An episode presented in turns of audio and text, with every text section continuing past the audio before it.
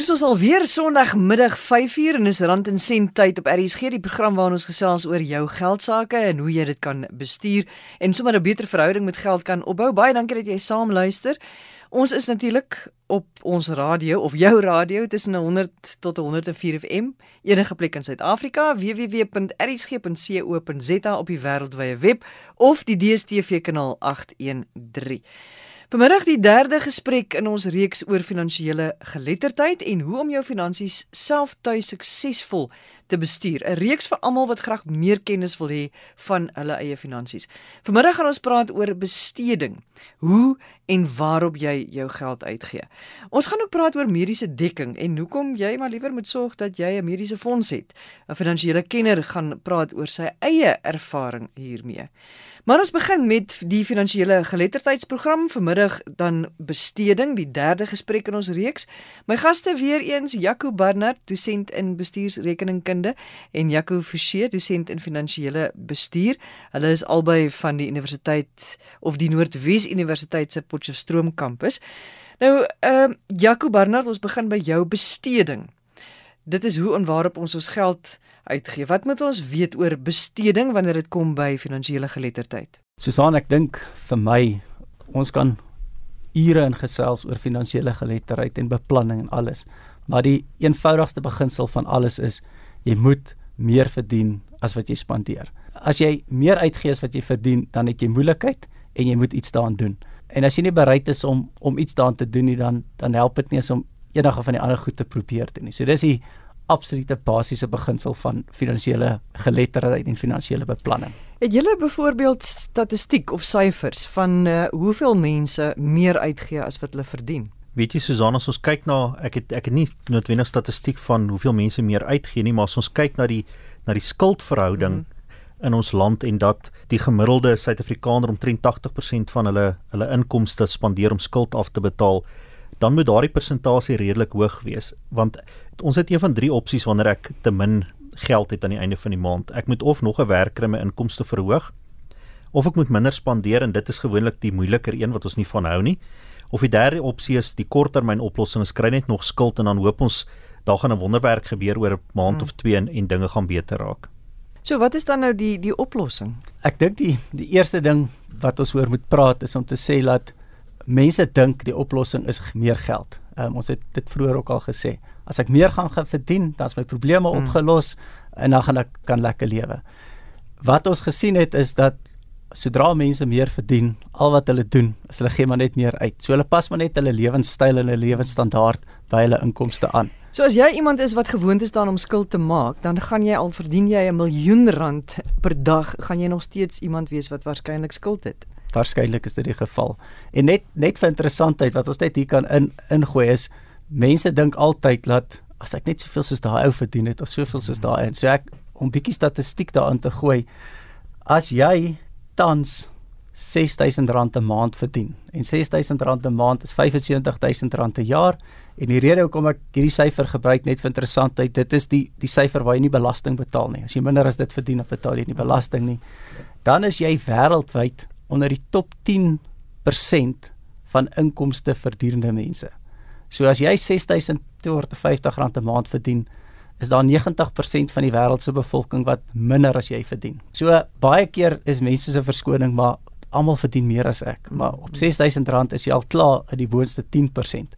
As jy gaan na R10000 'n maand wat R120000 'n jaar is, is dit 2.8%. Is jy in die top 2.8% van die wêreld se inkomste verdien bevolking. So die rede hoekom ek hierdie statistiek gee is om vir mense te sê, maar my verskoning is nie ek verdien te min nie. Daar's mense wat minder as jy verdien en wat op 'n manier uitkom. So ons kan nie die verskoning gebruik dat die inkomste die probleem is die die die probleem is op die spandeerkant. So dis wat jy sê, mense gee eenvoudig nie te veel geld uit. Definitief. So ons moet iets nou, daaraan gaan doen. So met ander woorde as jy R6000 'n maand verdien, dan moet jy leef volgens jou inkomste en dan seker goed wat jy gaan begeer wat jy nou maar net nie kan hê dan nie. Ja, en dis die moeilike deel. Daar gaan ergens opofferings wees. Jy moet gaan sê, dis wat ek verdien. Ek kan nie meer as dit spandeer nie. So so waar spandeer ek dan hierdie geld? Want ek het net soveel plekke en en en om mense te help, het ons basies vyf kategorieë gaan gaan skep om jou uitgawes in te klassifiseer. Nou die norm wat mense gebruik is hulle daar's twee kategorieë. Hulle praat van ek sal in die Engelse terme wants and needs. So jy moet gaan sê wat het jy regtig nodig en jy spandeer daar en dan die res is wat is maar net oor ek dit van hou, maar dit is so 'n bietjie beperkend. So ons het dit gaan uitbrei na vyf kategorieë. So die eerste kategorie is lewensnoodsaaklikhede, kos, water, basiese mediese sorg sal in daai kategorie val. Dis en dis tipies ek wil amper sê selfs die die werklose persoon het hierdie goed nodig om aan die lewe te kan bly. Mm, mm. En dan in die volgende kategorie het ons basiese behoeftes. So dis nog steeds eintlik maar needs of jou basiese behoeftes en daar sal nou behuising in wees, vervoer en sulke dinge. En baie keer sê ons vir mense as ons praat oor vervoer en selfs oor doodsaaklike mediese koste, sal mense sê ja, maar mediese is so duur en om 'n kar te hê is so duur. Maar daar's oplossings. Die meerderheid van ons land se bevolking maak staat op staatshospitale vir mediese sorg. Hulle maak staat op 'n publieke vervoerstelsel vir vervoer. So jy hoef nie noodwendig 'n kar te hê om rond te kan beweeg nie. So dis die basiese behoeftes. Dan gaan ons na die verdere uitgebreide behoeftes. So is nog steeds onder die needs kant en daar gaan jy jou tipies jou jou eie motor wees. Jou selfoon gaan daar val. Klerasie gaan daar val. En om te spaar vir aftrede. Terugbetaal van skuld alhoewel ons sal nou nou later weer detail praat oor skuld, maar afbetaling van skuld sal in daai kategorie wees.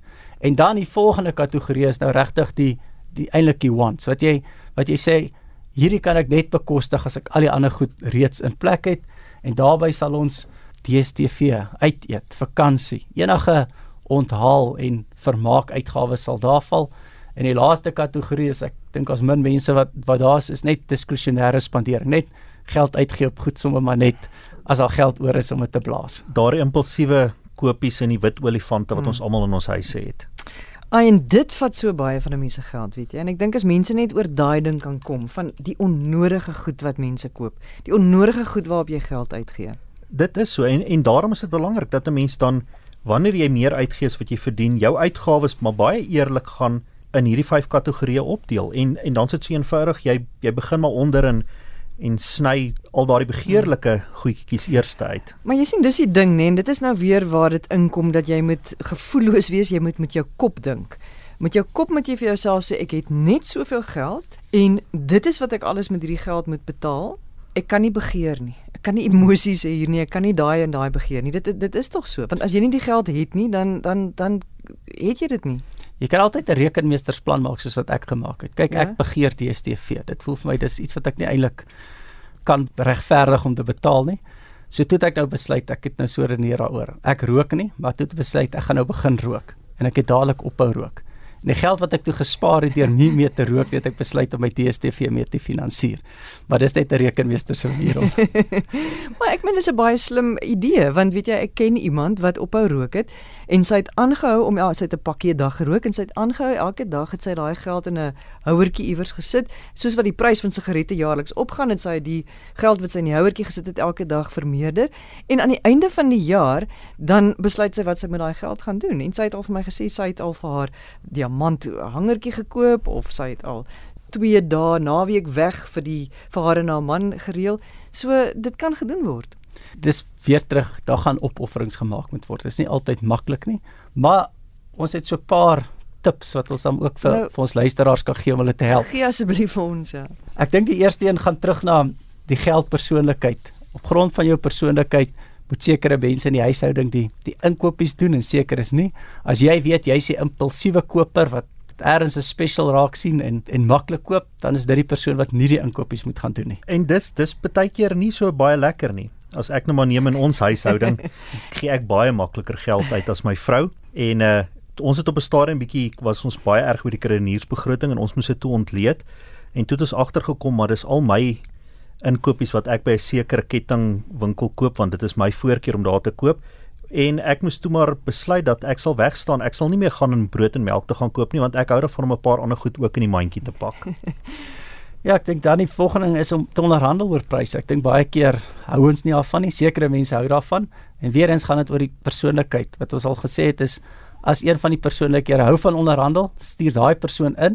Maar as dit ook die impulsiewe koper is, stuur hom tog net in sonder die kaart want hy gaan dalk moet instap in 'n yskas koop en dan kom hy uit met 'n tuimeldroër en 'n TV teen die helse baken. So besluit wie koop jy inkopies, maar onderhandel oor pryse. En dan dink ek moet net bietjie rond kyk vir pryse. Ek dink dis baie maklik om aan te aanvaar. Ag ek koop sommer net hier, dis die maklikste, maar dis nie noodwendig die goedkoopste nie en en jy kan dieselfde produk dalk heelwat goedkoper by 'n ander plek kry. En ek dink veral met met die tegnologie en die en die in internet wat wat so vrylik beskikbaar is om bietjie jou navorsing te gaan doen en en bietjie na te lees en veral as jy groot items moet koop om nie op die ingewing van die oomblik te besluit nie maar vir jouself te sê ek gaan myself ten minste 'n dag gee om hieroor te dink en te besluit is dit regtig nodig. En ek het myself al voorgenem dat die oomblik as 'n as iemand my onder druk probeer plaas om nou dadelik iets te koop, dat ek dan ek wil amper sê as prins die besluit neem om dit nie te doen nie en dan eerder op 'n later stadium terug te gaan. Want dikwels word 'n mens môreoggend wakker en jy dink ek het nie hierdie ding nou gekoop maar ek het dit nie regtig nodig nie. En dan het 'n mens nie tyd nie of jy's net te lui om die ding terug te vat en te gaan teruggee. Ja, nee, ek dink dit is definitief die geval. Ehm um, en is moeilik om iets te gaan teruggee. Jy wil so 'n bietjie soos 'n soos 'n aap om dit te doen soos ek is seker beter om dit liewer dan nie te koop nie. Dan nog 'n paar goed as jy wil gaan uit eet, al jou ek wil amper sê uit eetplekke het ergens in die week een of ander spesiale aanbieding, so leer dit ken. As jy 'n groot familie het soos Jaco, hy ken al die uit eetplekke se se specials op die punte van sy vingers. Maandag kry hy hamburger vir nie, Dinsdag dit en en, en, en Sondag jy die kinders gratis. So en en die lekkerte daarvan is want ons glo ek mens moet daarmee jou geld geniet. Maar as jy 50% kan spaar elke keer as jy gaan uit eet, dan beteken dit net jy kan eintlik dubbel die aantal kere gaan mm, uit eet. Mm. Dan as ons kyk net na kreniersware koop, ehm um, dit help om in bulk te koop, grootmaat te koop en veral ook te koop wanneer daar op uitverkopings is. Ek het al 'n paar keer vir myself die ek wil sê die berekeninge gaan doen as jy weet wat die normale prys is en jy sien wanneer daar uitverkopings is. Kom ons neem koffie en dit is 20% regtig laer as die as die normale prys en jy weet jy gebruik een blik in 'n maand. Gewoonlik kom hierdie uitverkoping so elke 3 maande regtig na vore koop dan vir jou 3 maande se se koffie en jy kan maklik so 20% op 'n klomp items op jou begroting spaar. Maar mense moet ook nou nie te veel koop nie want daar's mense wat nou 'n jaar se goed gaan koop en dan word die goed oud of hulle gebruik dit nie. Definitief ja. en as jy kinders in die huis het, koop jy ook nie um, lekker goed in groot maat nie. ja. En nog iets so 'n laaste wenk. Ja, ek dink die laaste een is suiwer inkopies. Moenie goed by die kasregister, die til soos ons dit noem koop nie. Al daai goed daar, daar's 'n sielkunde uit die uitleg van 'n winkel en as jy 'n sjokolade of 'n tydskrif of 'n pakkie sigarette daar koop, dan het hulle jou gevang. Dis eintlik waarop dit neerkom. En dan saam met dit moenie goed gaan koop as jy honger is nie. Mense is geneig as jy honger is om baie meer te koop as wat regtig nodig is. As ek nog 'n laaste enetjie kan byvoeg, ehm um, gaan dit oor geskenke ons moet baie keer soos op pad na 'n partytjie toe en nou moet ons goue geskenk gaan koop. So jy stop maar by die eerste beste plek. Jy betaal gewoonlik 'n verskriklike prys daarvoor vir die gerief om dit om dit dadelik te kan koop. So wat ons gesin al vir 'n hele paar jaar doen is ons sal wanneer daar uitverkopings is gewoonlik na Kersfees en ons al die speelgoed en so aan op 'n groot uitverkoping, dan sal ons vir die volgende jaar die geskenke koop. En sommer vir al die maatjies wat ons weet wat gaan verjaar en die boetie se kinders en so aan, en ons het 'n geskenkekas in die huis en ons ons sit dit daar en jy het 'n goeie geskenk vir 'n goeie prys gekry en jy spaar sommer die petrolkoste om te gaan rondry op die nippertjie. So as ek toevallig oor 'n Kersfees by jou kom kuier en jy gee vir my 'n pragtige Kersgeskenk, dan moet ek weet dis op een of ander uitverkoping het jy dit in jou geskenkkas gehou. Nee, nee, dan moet jy net onthou ek het al eintlik 'n jaar terug aan jou gedink. Uh baie dankie Jaco Forsie. Hy is 'n dosent in finansiële bestuur en Jaco Barnard dosent in bestuursrekeningkunde en albei is verbonde aan die Noordwes Universiteit se Potchefstroom kampus. Jy kan hierdie gesprekke of hierdie die eerste twee gesprekke en hierdie ene in die reeks oor finansiële geletterdheid kan jy gaan aflaai by www.rsg.co.za as jy nou daai eerste twee gemis het. Ook een oor geldpersoonlikhede. Uh die twee Jaco's het so 'n formule uitgewerk waar wat jy kan invul waar volgens jy jou geldpersoonlikheid kan vasstel. En dit was daai gesprek was op die 23ste Desember. So gaan net na www.rsg.co.za en uh, dan klik jy daar op potgooi dan kan jy daar weer luister of dit vir jou aflaai. Nou dit is dan ons reeks oor finansiële geletterdheid. Volgende week praat die twee Jakkos oor basiese ekonomiese beginsels. En nou praat ek met Wouter Verrie, hy's 'n direkteur van Escor Independent Wealth Managers. Hy's ook 'n geregistreerde finansiële adviseur, die skrywer van die boek The Ultimate Guide to Retirement in South Africa. En Wouter, jy voel deesdae ekstra sterk oor mediese fonds of mediese dekking. Jy sê 'n mens moet dit liewer hê. Hoekom? Wat wat is jou ja, vertel ons vertel ons hoekom jy so voel. Susan, dankie vir die geleentheid om jou te gesels. Ja, 'n bietjie te deel uit my private lewe. Ek is um, net so oor die 50 jaar oud. Ek dink ek is 'n redelike fikse persoon. Ek doen ultra maratons ensovoorts, maar ek het so 'n klein tydjie terug myself in die hospitaal gevind met met 'n hartaanval. En um, natuurlik groot skok wat daarmee saamgaan, maar dis 'n tyd soos die wat mense regtig getoets word in terme van jou uh, finansiële beplanning. En ek het net weer eens besef die belangrikheid dat 'n mens 'n mediese fonds het en dat jy 'n goeie mediese fonds het. Um, ek het die hospitaalkoste vir die hartaanval en die hantering daarvan was net so oor die 300 000 rand gewees en op die ouene van die dag het dit my uit my eie sak het minder as 5000 rand gekos vir die betaling. Nou ek sit er om te weet hoe mense 300 000 rand uithaal vir 'n noodtoestand wat skielik plaasvind. En ek dink meeste van ons as jy nie daai spesifieke beskerming het van 'n goeie mediese fonds nie kan jy self in 'n redelik ernstige finansiële verknorsing vind om daai geldjies uit te haal en dis ook bekend dat die staatshospitale nie noodwendig fantasties is op die oomblik nie en ou wil nie noodwendig um, blootgestel word aan hospitaal wat hmm. wat nie gaan na jou omsien wanneer jy in die nood is nie. Maar mediese fondse, die premies is ongelooflik duur en ongelooflik hoog. Ek weet op watter manier, jy weet, hoe kan 'n mens dan nou beplan om hierdie goed in jou finansiële portefeulje te hê en dit te oorleef, die koste van van van die premies? Netjies soos aan ek dink dit gaan terug na basiese finansiële beplanningsbeginsels dat jy moet 'n begroting gaan opstel. En daar sekerre goed wat prioriteit in jou begroting moet hê en ek dink mediese fonds is beslis een van dit. Die kostes van mediese fondse weet ons is is hoog. Ehm um, maar dan weer eens die kostes van medisyne is baie hoog, so daar moet voorsien gemaak word. Ek sou aanbeveel dat mense jaarliks kry die geleentheid aan die einde van die jaar om 'n mediese fonds te sien in die verskillende kategorieë mediese fondse te oorweeg en om daarmee 'n spesialis mediese fonds finansiële beplanner te gesels wat vir jou kan uiteenset jou spesifieke omstandighede en wat se mediese fonds vir jou nodig gaan wees. En ek wil ook beamoen dat dit 'n baie belangrike oefening is vir mense wat op pensioen gaan dat jy baie mooi moet gaan kyk na die mediese fonds wat jy het op daardie stadium. Ehm um, in baie gevalle is dit nie nodig om die top van die top van die top mediese fonds te hê wat baie duur is nie, maar ten minste 'n baie goeie hospitaalplan te hê wat jy kan ehm um, voorsien in geval van nood en om dan jaarliks kan jy dit aanpas soos jou omstandighede en jou gesondheid dan verander. So weer eens, dis belangrik om 'n professionele persoon in te kry om hulp te kry en met oorweging tussen die verskillende fondse. En verkieslik iemand wat onafhanklik is wat vir jou opsie kan gee van die verskillende maatskappye se mediese fondse en jy sal verbaas wees daar mag dalk 'n maatskappy hier en daar wees wat wat jou spesifieke behoeftes sal kan voorsien.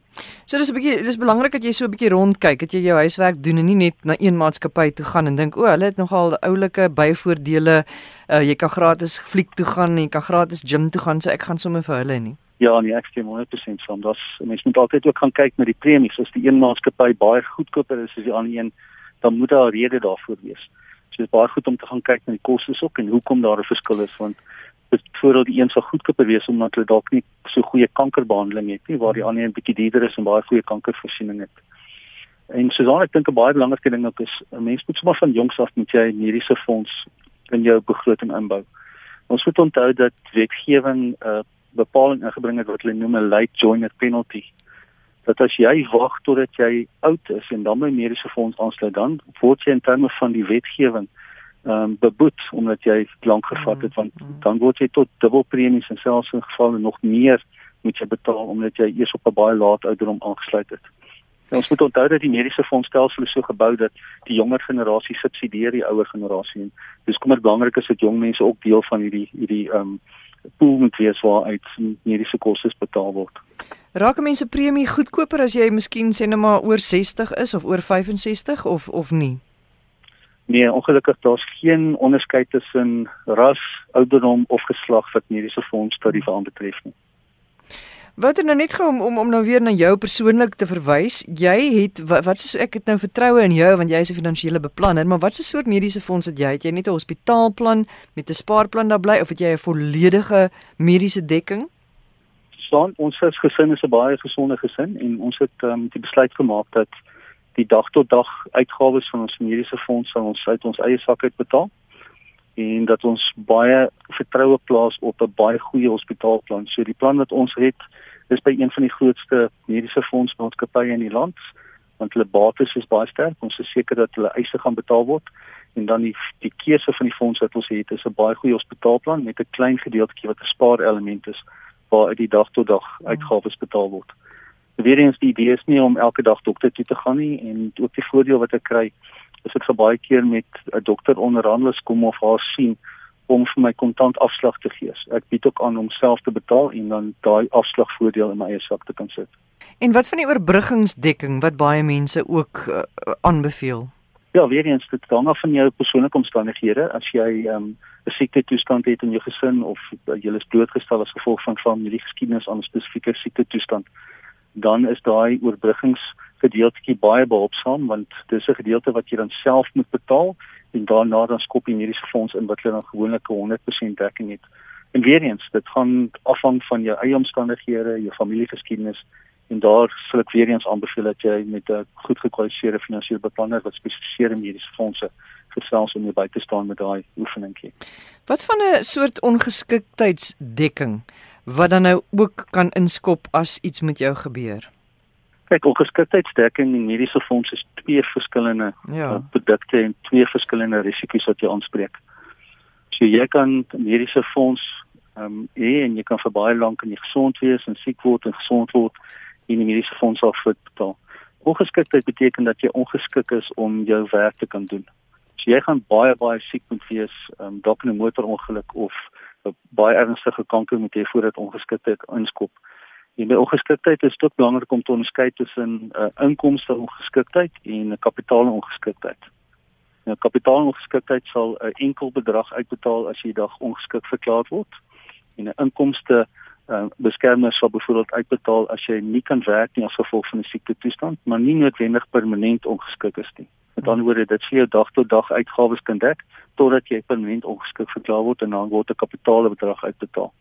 Ehm um, die kostes tussen die twee die inkomste gedeeltjie is gewoonlik 'n duurder premie as die kapitaal een, maar die die kans dat die inkomste een gaan uitbetaal is baie vinniger as wat die kapitaal een gaan uitbetaal.